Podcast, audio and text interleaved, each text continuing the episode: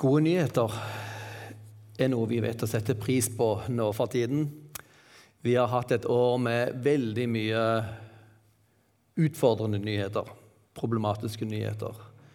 Eh, nå igjen med ny nedstengning eh, mange steder eh, rundt omkring, også her i Norge. Vi er vel for så vidt blant de virkelig heldige som har den velstanden og tryggheten vi har i, eh, i livet og, og, rundt oss. Eh, men gode nyheter. Det var fantastisk å da høre i forkant av jul at nå, eh, nå var vaksinene testet og blitt godkjent. Og så hørte vi nå i romjulen ble de første vaksinene kjent. Det er virkelig gode nyheter sånn som, som, gir håp, håp. Det er liksom lys i enden av tunnelen. Dette er virkelig gode nyheter. Gode nyheter er faktisk navnet også på det første kristne budskapet. Vi snakker jo om juleevangeliet, vi snakker om evangeliene i Bibelen. Men ordet evangelium er egentlig ikke en bok eller et skrift opprinnelig. Det betyr rett og slett gode nyheter. Og eh, gode nyheter Det er i hvert fall to ting som vi må spørre i forhold til nyheter. Ja, er det, er det sant? Er det troverdig? Er nyhetene sanne og troverdige? Det er ikke er noen, noen, ting som er skrekkelig lett, eh, verken generelt når det gjelder nyheter, eller enda mindre når vi snakker om religioner og religiøs påstand om, om religiøse sannheter. Er dette troverdig? Det andre spørsmålet som, eh, som, er også kanskje enda mer presserende for oss som lever nå 2000, etter, 2000 år etter disse hendelsene, er, ja, er det relevant? Er det aktuelt for oss? Vi skal lese innledningen til Markus-evangeliet fordi at hele, eh, hele Markus-fortellingen presenterer seg selv som gode nyheter. Og i de første versene her av denne boken, vi kan kalle det en biografi eller fortelling, så annonseres dette som ja, gode nyheter, som evangelium. Eh, og vi skal se her både hva dette dreier seg om. Er dette gode nyheter? Er det noe verdt å tro på? Og selvfølgelig skal vi også se på spørsmålet ja, men er det relevant for oss. Hvilken betydning har det for oss i dag? Og la oss nå først eh, lese eh, teksten fra Markusevangeliet, kapittel 1, eh, vers 1 til og med vers 15, i Jesu navn. Her begynner evangeliet om Jesus Kristus, Guds sønn. Hos profeten står det skrevet Se, jeg sender min budbærer foran deg. Han skal rydde veien for deg. En røst roper i ødemarken. Rydd Herrens vei. Gjør hans stier rette. Slik sto døperen Johannes fram i ødemarken og forkynte en omvendelsesdåp som ga tilgivelse for syndene. Fra hele Judea og Jerusalem dro alle ut til ham. De bekjente syndene, syndene sine og ble døpt av ham i Jordanelven. Johannes gikk kledd i en kappe av kamelhår og hadde lærbelte om livet og levde av gresshopper og villhonning. Han forkynte, 'Det kommer en etter meg, som er sterkere enn jeg.' Og jeg er ikke verdig til å bøye meg ned og løse sandalremmen hans. Jeg har døpt dere med vann, men han skal døpe dere med Den hellige ånd. På den tiden kom Jesus fra Nasaret i Galilea og ble døpt i Jordan av Johannes. Straks han steg opp av vannet, så han himmelen dele seg, han så ånden komme ned over seg som en due. Og det lød en røst fra himmelen. Du er min sønn, den elskede. I deg har jeg min glede. Straks etter drev ånden ham ut i ødemarken, Og Der var han i 40 dager og ble fristet av Satan. Han holdt til blant villdyrene, og engler tjente ham.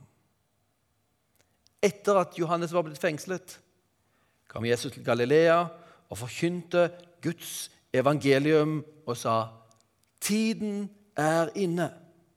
Guds rike er kommet nær. Vend om og tro på evangeliet.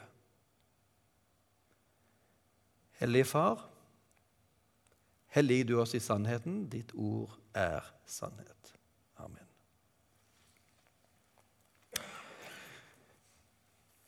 Markus sin fortelling begynner med begynnelsen til evangeliet. Om Jesus Kristus, Guds sønn. Det begynner noe, og hele Markusevangeliet er egentlig veldig dramatisk og, og starter, starter plutselig midt i Jesu liv. Litt til forskjell fra mange av de andre evangeliene, som starter ved Jesu fødsel, Jesu begynnelse. Starter midt i Jesu liv og starter faktisk med en annen person. Starter med døperen Johannes. Eh, og så går det dramatisk framover til, til, avslutningen, som vi jo alle kjenner. Hvordan dette endte at Jesus ble eh, arrestert. Han ble henrettet på et kors. Og så fant de graven tom. Det er Markusevangeliet sin fortelling, og det passer veldig godt. Dette er begynnelsen til de gode nyhetene om Jesus Kristus, Guds sønn. Og Straks så møter vi en henvisning når dette skal forklares, disse begrepene. Jesus Jesus er jo det navnet som Jeshua, som er det samme som Josva, som betyr Gud frelser. Og vi vet fra de andre evangeliene at dette var et navn som Eh, som eh, Maria Josef ble gitt. Kall dette barnet Jesus, for han skal frelse sitt folk. Navnet betyr Gud frelser. Kristus det er jo en tittel. Det betyr 'den salvede'. Og refererer til praksisen i Det gamle testamentet med salve de som skulle ha veldig viktige tjenester, som både prester og profeter og konger. Vi minnes jo spesielt kanskje kong Davids eh, blir salvet. Og dette navnet Messias ble jo da betegnelsen på en som er salvet, og spesielt den som profetene pekte framover mot. Den nye salvede, Guds salvede, som har Guds ånd og Guds oppdrag, som Gud en gang skulle sende. Og så Guds sønn presenteres dette her også som. Evangeliet om Jesus Kristus, Guds sønn. For begrepet Messias for, de, eh, for jødene på Jesu tid var veldig sterkt knyttet opp til spesielt de som et folk som lå under for en okkupasjonsmakt, og som så fram mot den dagen da deres konge skulle komme. Gud skulle igjen fri dem fra maktene og sette dem fri og gjøre Israel stort, sånn at alle folk til slutt skulle komme til dette folket for å la seg undervise, slik Jesaja bl.a. profeterer. Men denne Jesus som Markus forteller om, han peker på en helt annen type. Ikke en krigerkonge, ikke en politisk konge, men en annen type Messias, en annen type konge, og som kalles Guds sønn. Jesus er noe mer enn bare Israels sin hersker, Israels konge. Han er Guds sønn. Han hersker på Guds vegne. Han er faktisk Gud selv kommet til jord. Da settes agendaen. Og umiddelbart så starter Markus med å henvise til ja, hvordan kan jeg si dette? Jo, som Jesaja sier. Og så kommer det en henvisning til eh, bl.a. Jesaja, men også fra Malaki, eh, og med noen ekkoer fra andre Mosebok også. Som Jesaja sier, 'Se, jeg sender min budbærer foran deg'. I eh, Jesaja 40 så lover Gud at en dag skal Gud gjøre noe stort. Gud skal rydde veien. Igjen skal Gud komme gjennom ørkenen, som Gud gjorde den første gangen når han hadde befridd eh, eh, Israels folk fra slaveri i Egypt. Brakt de gjennom eh, Sivsjøen, reddet de fra egypterne, brakt de gjennom ørkenen og så inn i det lovede land. I Markusevangeliet ser vi samme typen bevegelse ligge bak her. En stemme i ødemarken. Se, min budbærer kommer foran deg. Det er tekster fra, fra Jesajas som eh, annonserer um, at Gud skal komme. Og Jesaja 40, eh, som, som, delvis denne her teksten er hentet fra, begynner slik.: Trøst, ja, trøst mitt folk, sier deres Gud. Og Jesaja er jo skrevet i en tid når det meste, det meste, av Israel er faktisk både okkupert, og de fleste er tatt til fange og sendt og sprent rundt blant folkeslagene. Det er Jerusalem som by som gjenstår. Og her kommer da budskapet til Jesaja. Trøst, trøst til mitt folk, sier henne, sier Jesajas. Og så kommer det En røst roper, rydd Herrens vei i ørkenen. Jevn ut en vei i ødemarken for vår Gud. Hver dal skal heves, hvert fjell og hver haug skal senkes. Bakket land skal bli slette, kollene til flat mark.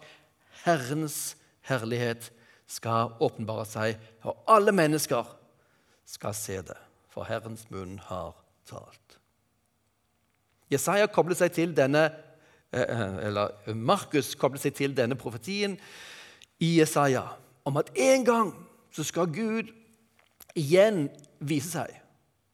Og igjen dette her, som den første gangen fra ødemarken komme inn til sitt folk og til Jerusalem. Gud skal vise seg.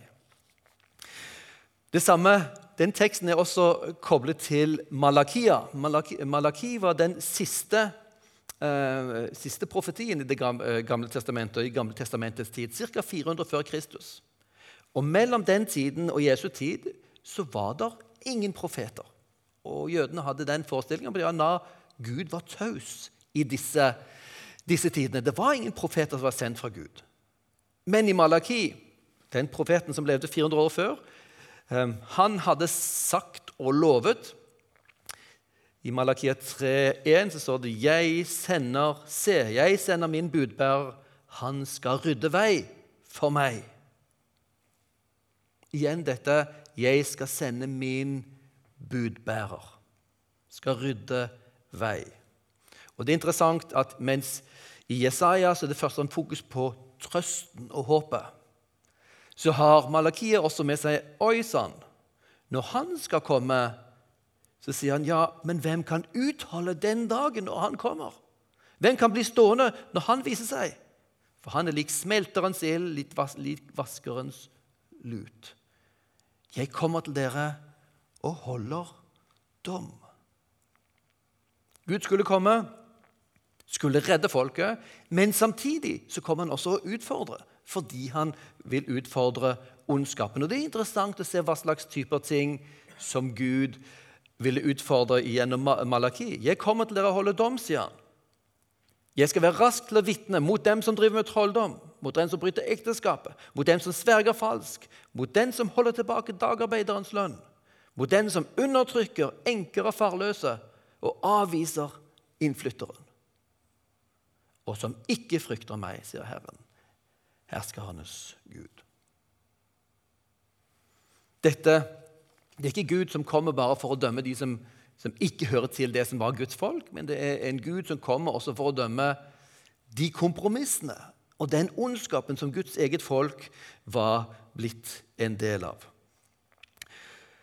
Og Disse tekstene er det da Markus kobler seg på. En budbærer som går foran deg. I Malakia så sier, det, sier Gud se, jeg sender en budbærer foran meg. Så det er altså Gud som kommer. Og I eh, Markusevangeliet så er det Johannes som er budbæreren, og Jesus som er annonsert. Så Her antydet det altså i Jesus Kristus så er det Gud som kommer til sitt folk. Slik sto døperen Johannes fram i ødemarken og forkynte en omvendelsesdåp som ga tilgivelse for syndene. Og Det er interessant var den, denne personen og, og at, at, Johannes akkurat var i ødemarken. Det, for det er ikke noen selvfølge. Mange av profetene, slik som Jesaja, de holdt jo til veldig nært kongens slott. Han var en del av rådgiverne til kongen og kunne leve ganske, ganske godt. I hvert fall så lenge som kongen likte det han sa. Det som eh, Johannes tydeligvis har et kall til han er, et, han er, ikke et, sted hvor han kan komme til kongen og være rådgiver. Husk hvem som var konge da. Det var jo for det første Herodes, som var lokal. Sant? Som ikke var spesielt eh, verken rettroende eller god. Sant? Han var et mareritt for jødene, selv om han ble kalt jødenes konge. Og så hadde vi selvfølgelig den romerske keiseren sto over det igjen. Og det var derfor Herodes hadde fått sin, sin makt. Så Guds profeter kunne ikke slippe til her. Og På litt samme måte som, som Elia i Det gamle testamentet, som ble jagd av de daværende kongene, lederne, og forsøkte å bli tatt livet av, så var Johannes den som måtte ut i ødemarken. Og det er interessant. I denne teksten her så hører vi også eh, litt om da Johannes var blitt fengslet. Vi vet at kong Herodes det er Herodes Antipas, sønn av Eh, Herodes den store. Eh, han tok Johannes, og han, vi vet hvorfor han gjorde det. Jo, fordi Johannes utfordret. Han utfordret også Herodes som jødenes konge. Du har tatt din bror sin kone. Det er ikke rett. Så han kunne kritisere ikke bare vanlige folk, men også lederskapet. Og da ble det en rask stopp. Han var kledd på en måte som samsvarte med at han kommer ut forbi. Han kommer fra utenfra. Han var ikke en del av det politiske spillet og kompromissene som hele det, si, den tidens lederskap var en del av. Herodes var utnevnt av keiseren. De som ledet i Jerusalem, eh, kalles sadukerende. De styrte tempelet, og de syntes dette var en ypperlig ordning. De hadde jobben fra romerne, eh, og de tjente enorme pengesummer. Jerusalem var sentrum for hele det jødiske folk. Man skulle komme der i hvert fall én gang om året, helst tre ganger om året. Og da skulle alle ofre i tempelet, man skulle gi tempelskatten sin, man skulle kjøpe dyr, og da hadde sadukerene orden på det. Det var svær business. Ypperlig. Sadukerende var ikke sånn spesielt interessert i mye av Det gamle testamentet. De var mest opptatt av det som sto om, om tempelet, de mosebøkene. De trodde ikke på eh, oppstandelsen, bl.a., men de hadde det helt ypperlig med å skulle styre tempelet. Og av mange rettroende jøder så var man ganske fortvilet, sant? fordi dette var et eh, kompromittert lederskap. Vi vet jo at det var eh, grupper i blant jødene på denne, denne tiden som flyktet ut i ørkenen og så på lederskapet rundt tempelet som et forfall.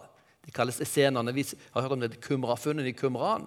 Det ble en, sånn, en, en, gruppe som så på seg selv som vi er Guds sanne folk, mens det som skjer rundt Jerusalem, det er en del av forfallet.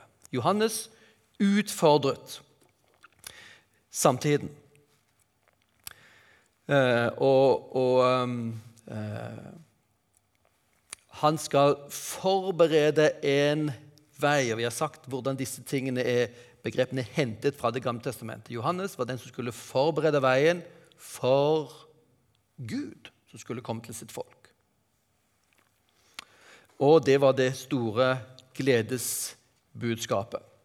Dette var jo kjempeutfordrende ikke minst for sadukeerne og Herodes. Ops, skal det nå komme en ny konge inn her nå? Hva skjer med systemet vi har? Hva skjer med tempelet vi har? Hva skjer med inntektene? Hva skjer med det politiske? Hva vil romerne gjøre? For det hadde vært ganske mange ganger opprør og kaos, og en gang hadde jo faktisk jødene lykkes med å kaste ut okkupantene. Sant? I rundt 160 før Kristus så lyktes Eh, eh, makabeerne med å ta makten i Israel og kaste ut de eh, eh, okkuperende styrkene. Nå vet vi at disse her også ble veldig kompromitterte ledere, eh, som ikke var veldig, så veldig satt pris på og ikke var så veldig opptatt av nødvendigvis av Bibelen. Men slang type opprør var der stadig, og det var dypt bekymringsfullt for Herodes og for lederskapet. Og så hører vi om noen som proklamerer gode nyheter om Jesus som Guds sønn.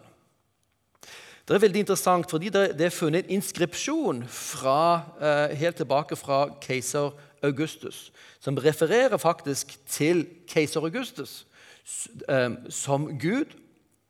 Eh, han ble guddommeliggjort, og eh, hans fødsel ble begynnelsen på de gode nyhetene som etter hvert kom til hans rike.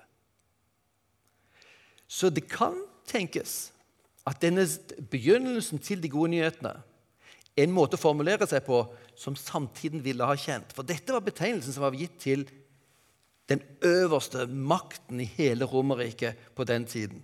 Men det er denne Jesus som er den sanne Guds sønn, ikke han som sitter i Rom. Nok en ting til å skape, skape bekymring. Og vi vet hvordan det endte for døperen Johannes sånt. Skapte trøbbel, ikke bare for det politiske, men fordi at den utfordret eh, Herodes sin, sin, sine valg, og sin, eh, at han stjal kona til broren, broren Philip. Eh, og det er ikke noe du kan gjøre eh, ifølge eh, Moseloven. Eller allmennreligiøs Til og med den allmenn moralske Loven sier jo det at det du tar ikke din brors kone.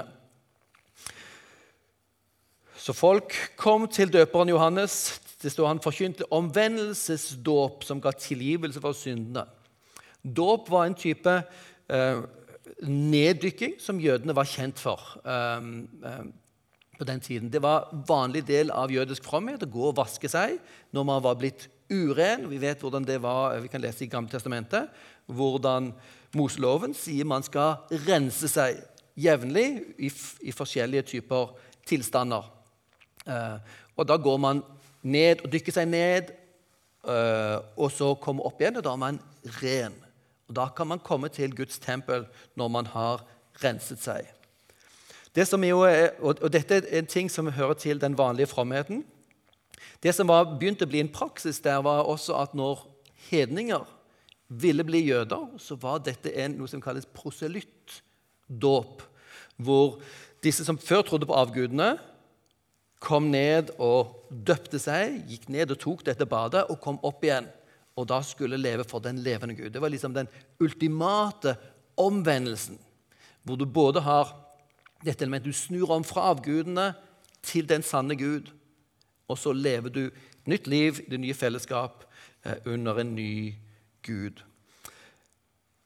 Det Johannes gjør, sier at denne dåpen, den dåpen han kom for, den var ikke for de andre det vi kaller heden, de som er ikke-jøder. Det er dere som er Guds folk. Dere må omvende dere. Tenk hva Malekia sa. Jeg sender min budbærer foran dere. Men når jeg kommer, hvem kan tåle dette? Jeg vil ta et oppgjør. Og Guds dom kommer først over Guds eget folk.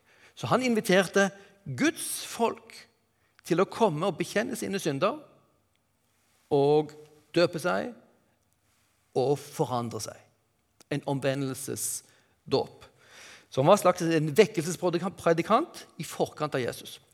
Og Johannes var kjempeberømt. Han var en stor, en stor skikkelse i det første århundret. Det var, eh, var, mange som kjente til Johannes sitt navn. Johannes døperen, og som ikke hadde hørt om Jesus. Vi, vi møter en sånn gruppe i, eh, i Efesus i apostelgjerningene 19, hvor eh, Apollos bl.a. var en som hadde hørt om og var tilhenger av Johannes døperen, men som ikke hadde hørt om Jesus.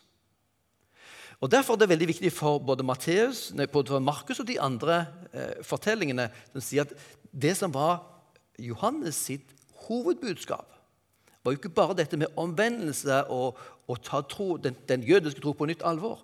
Men han pekte på Jesus, han som kom etter. Og det er hele vekten her. Han som kommer etter meg. Og den største profeten, han som er der for å annonsere nå skal det nye skje, han er som sier her Jeg er ikke verdig til å bøye meg ned og løse sandalremmen for han her. Jeg er Ikke verdig å være slave for han engang. Hva slags person er det da som kan komme? I Det gamle testamentet var jo profetene gjerne over kongene i status og anseelse. De var utpekt av Gud, og de kunne salve en konge, så han kunne tjene Gud og tjene sitt folk. Her sier Johannes den kongen som nå kommer, han er langt over meg. Så ikke engang er verdig å knytte sandalremmen. Hvem er dette? Da får vi igjen denne koblingen til Guds sønn, som er annonsert i de første setningene. Jeg døper med vann, han skal døpe dere med Den hellige ånd.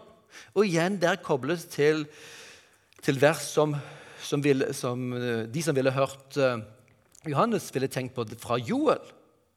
Se, det skal komme eh, en, eh, i de dager en, en som skal døpe med Den hellige ånd.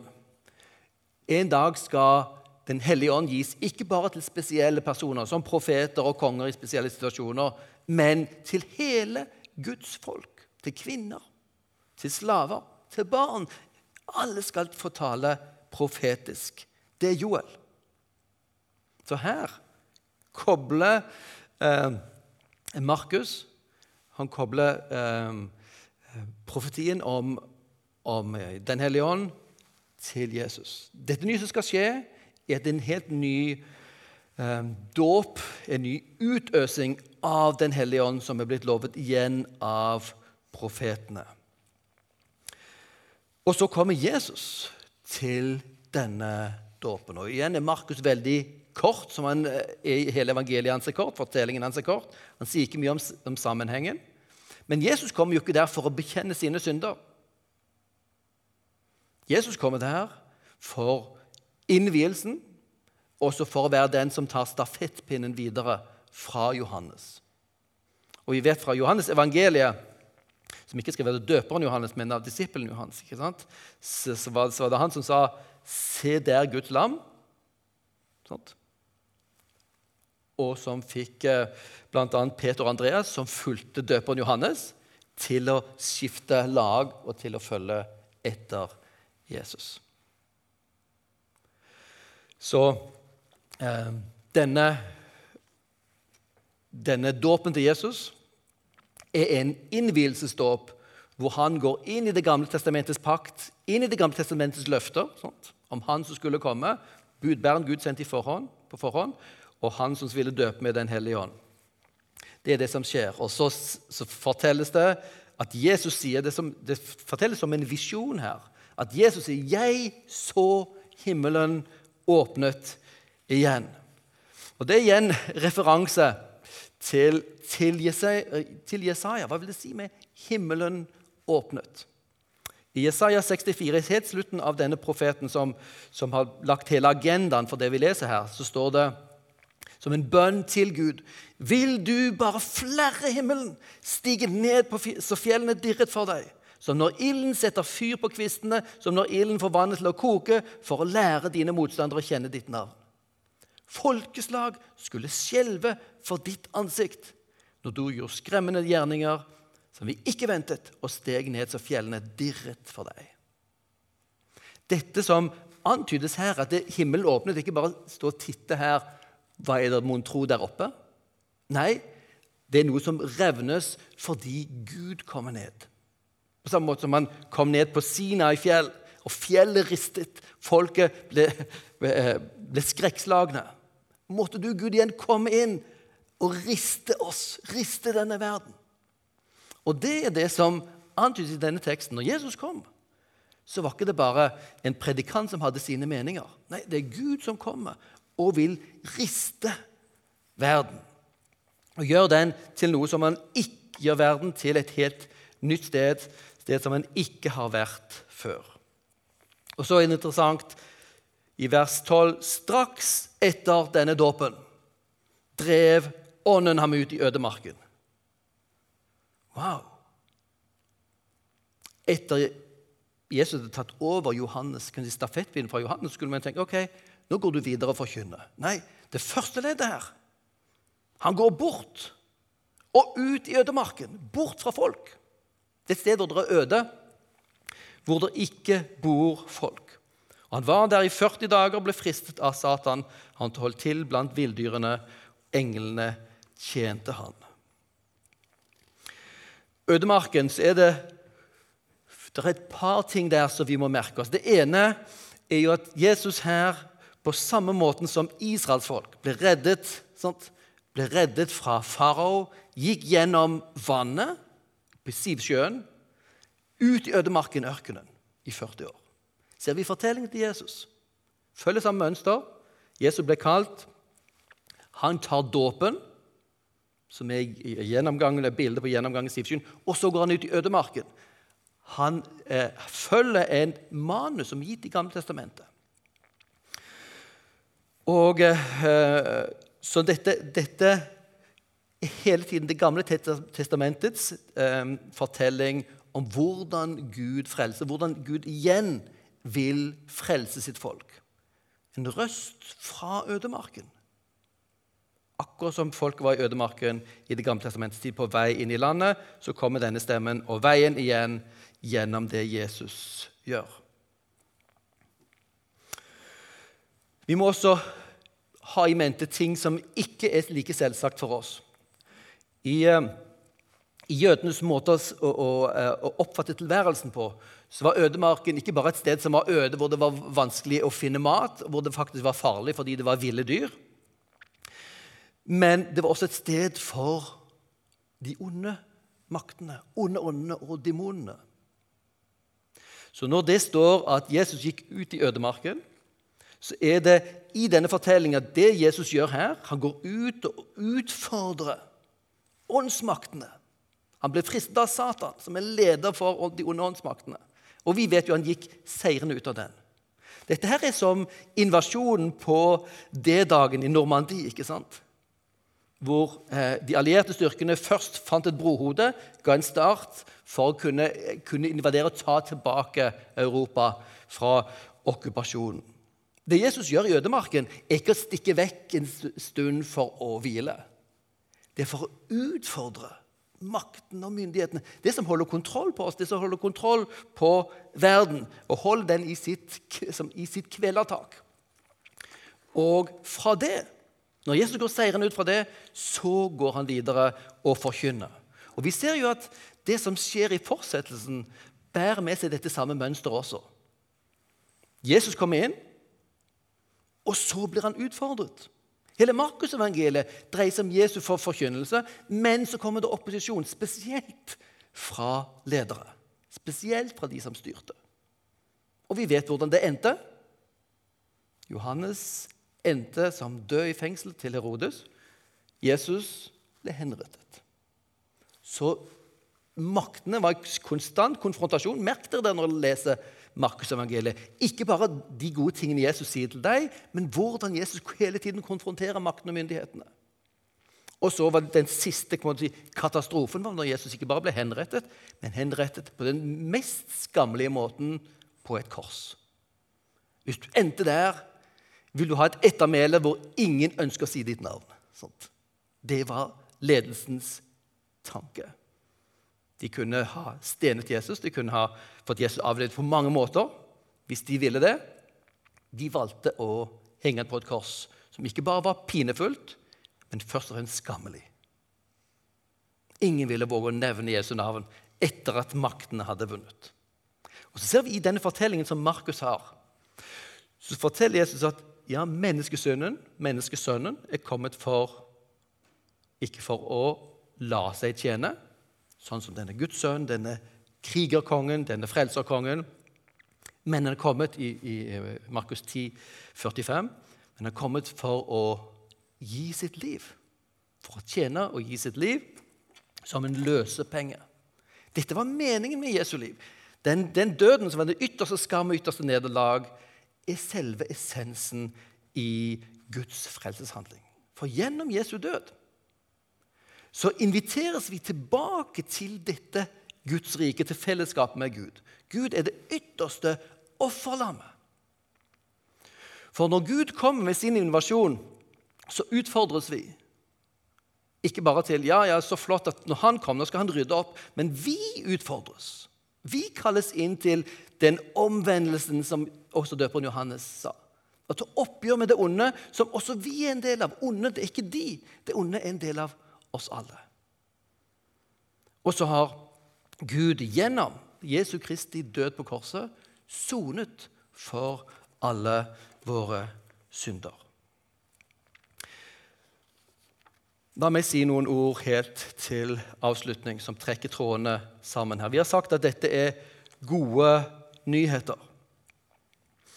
Og vi hørte også at, um, fra teksten her at etter Johannes var blitt fengslet, vers 14, kom Jesus til Galilea og forkynte Guds evangelium, altså Guds nye eh, eh, Guds gode nyheter, og sa tiden er inne, Guds rike kommet nær, vend om og tro på de gode nyhetene.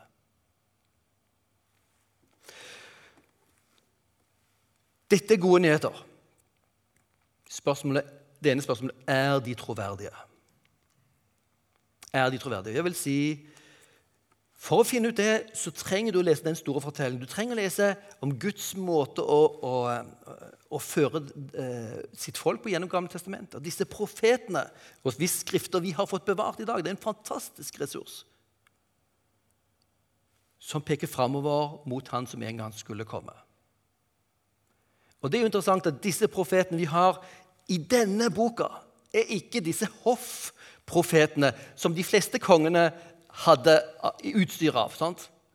Men dette er profeter som veldig mange måtte, eh, måtte dø for sitt kritiske budskap. Dette er profeter som beseglet sine ord med sitt blod. Derfor er de troverdige vitner. Ikke noe de selv hadde fordel av, men de talte Guds sak. Om Guds pakt med folk, de kalte de tilbake til, om Guds framtidige løfter. Det er en helt unik tradisjon. Hvis den tradisjonen er troverdig, så styrker det fortellingen om Jesus. Hvis du tenker at døperen Johannes er en troverdig talsmann, troverdig profet, ja, da har du grunn til å tro på Jesus. Hvis du tenker at Jesu liv er troverdig vitnesbyrd, måten Jesus behandlet andre mennesker på, måten han levde på, måten han utfordret på, ja, da er dette troverdig gode nyheter. Og det er ikke minst troverdig også fordi at Jesus sto opp fra de døde. I eh, Romerne 1,4 så sier Paulus at ved sin oppstandelse har Kristus, eller Gud, bekreftet at Jesus er Herre. Det er det viktige, viktigste vendepunktet. Jesus ikke bare døde, og døde en skammelig død, men Gud viste viste hvem Jesus var ved å reise ham opp fra de døde og vise at Jesus var Guds sønn. Så dette er troverdig av veldig mange grunner. Jeg vil utfordre deg til faktisk å ta disse nyhetene på alvor som faktisk troverdige. Disse nyhetene utfordrer oss på samme måte som, som eh, invasjonen under den eh, andre verdenskrig. Når de allierte styrkene kommer inn, så må du velge side. Vil du, vil du, være med og befri Europa? Eller vil du stå og være såkalt nøytral, som er jo en latterlig ting?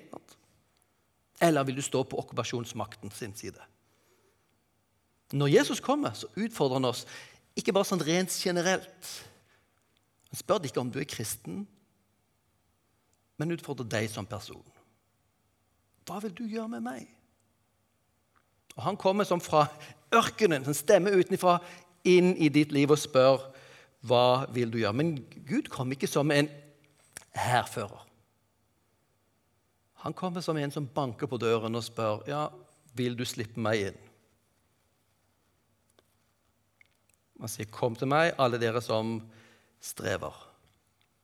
Det er et valg som utfordrer, det er et valg til det gode livet. La meg føye til en ting til. Jesus, I Jesus så kommer Guds rike, Guds herredømme, til oss. Gud selv kommer i Jesus Kristus til oss. Det er det som vi hørte om i julen, og som vi må minne oss selv om. Jesus er ikke bare en, en profet, en lærer, et forbilde, men Jesus er selv sentrum i Guds rike. Han er den nye kongen. Han er herre. Så når Guds rike kommer, så er det som Gud sier, 'Hei, jeg vil inn i ditt liv.' Jeg vil komme og bo hos deg. Og det har vært planen for Gud helt fra starten. Han skapte menneskene og ville eh, bo med dem, og det vil han gjøre også i den nyskapelsen. Så inviterer han deg til å slippe han inn i sitt liv. For uten Gud så er du som en blomst som bare er kappet, som ikke har kontakt med røttene. Gud er livet. Og det er også slik at uten, uten Gud så er du uten en forankret identitet. Hvem er du? Hva, hva er dette manuset for livet mitt? Hva, hva dreier livet mitt seg om? Jeg tror en, en illustrasjon her kan være nyttig. Se for deg at du sitter i et svært orkester som skal spille en fantastisk, eh, eh, fantastisk melodi. Og det er et svært publikum som, ligger, som sitter der og har store forventninger til dette stykket som skal spilles. Midt i dette orkesteret sitter du med ditt instrument. Men hva slags tone skal du spille? Du vet ikke hvem du er før du har forstått hva du er kalt inn til. Hva er dette manuset mitt, eller hva er tonen jeg skal spille? Når Gud kom inn i livet ditt, så ønsker han både være liv for deg, men også at du finner din identitet i Guds store plan for universet. Gud kaller deg til å bli en del av hans store, fantastiske eh, mesterverk. Slipp Gud inn. Finn tonen, finn manuset. Og så lærer du, og så inviteres du til å begynne å spille den tonen som en gang skal bli det som dekker hele verden. Gud vil bo hos deg. En gang skal han fylle hele universet. Og vi ber jo daglig eh, Fader vår, den Jesus sin bønn, og der sier vi Komme ditt rike, skje din vilje. Guds herredømme slipper vi inn i våre liv, og la Hans vilje skje gjennom våre liv. Og Blant annet dreier det seg om bekjennelse, og det dreier seg om nytt liv, og det er nytt fellesskap. Og det er interessant, Han som vil inn i livet ditt, han er ikke en krigerkonge. Han kommer som et lam, som Guds offerlam. Og Jeg vil hevde at dette som gode nyheter holder også den dag i dag. Både fordi det er troverdig, det gir dyp mening, ja, det utfordrer men det at Kristus vil bo hos oss, Gud vil bo i våre liv, det er en fantastisk god nyhet som er relevant for oss alle i dag. Og ikke minst den tiden hvor det er lockdown, hvor vi kan føle oss ensomme. Det er én som ønsker å bo i våre liv. La oss be. Himmelske Far, vi takker deg for din godhet. Vi takker deg for at du ikke har gitt oss opp, du ikke har ikke forlatt oss, men at du kommer inn i våre liv du vil utfordre oss, men du utfordrer oss som Guds lam. Den som ofret sitt liv for våre synder. Så vi skal finne livet, finne gjenopprettelsen og finne deg fremfor alt. Vi takker deg for det og ber om at vi må få ha deg inne i våre liv.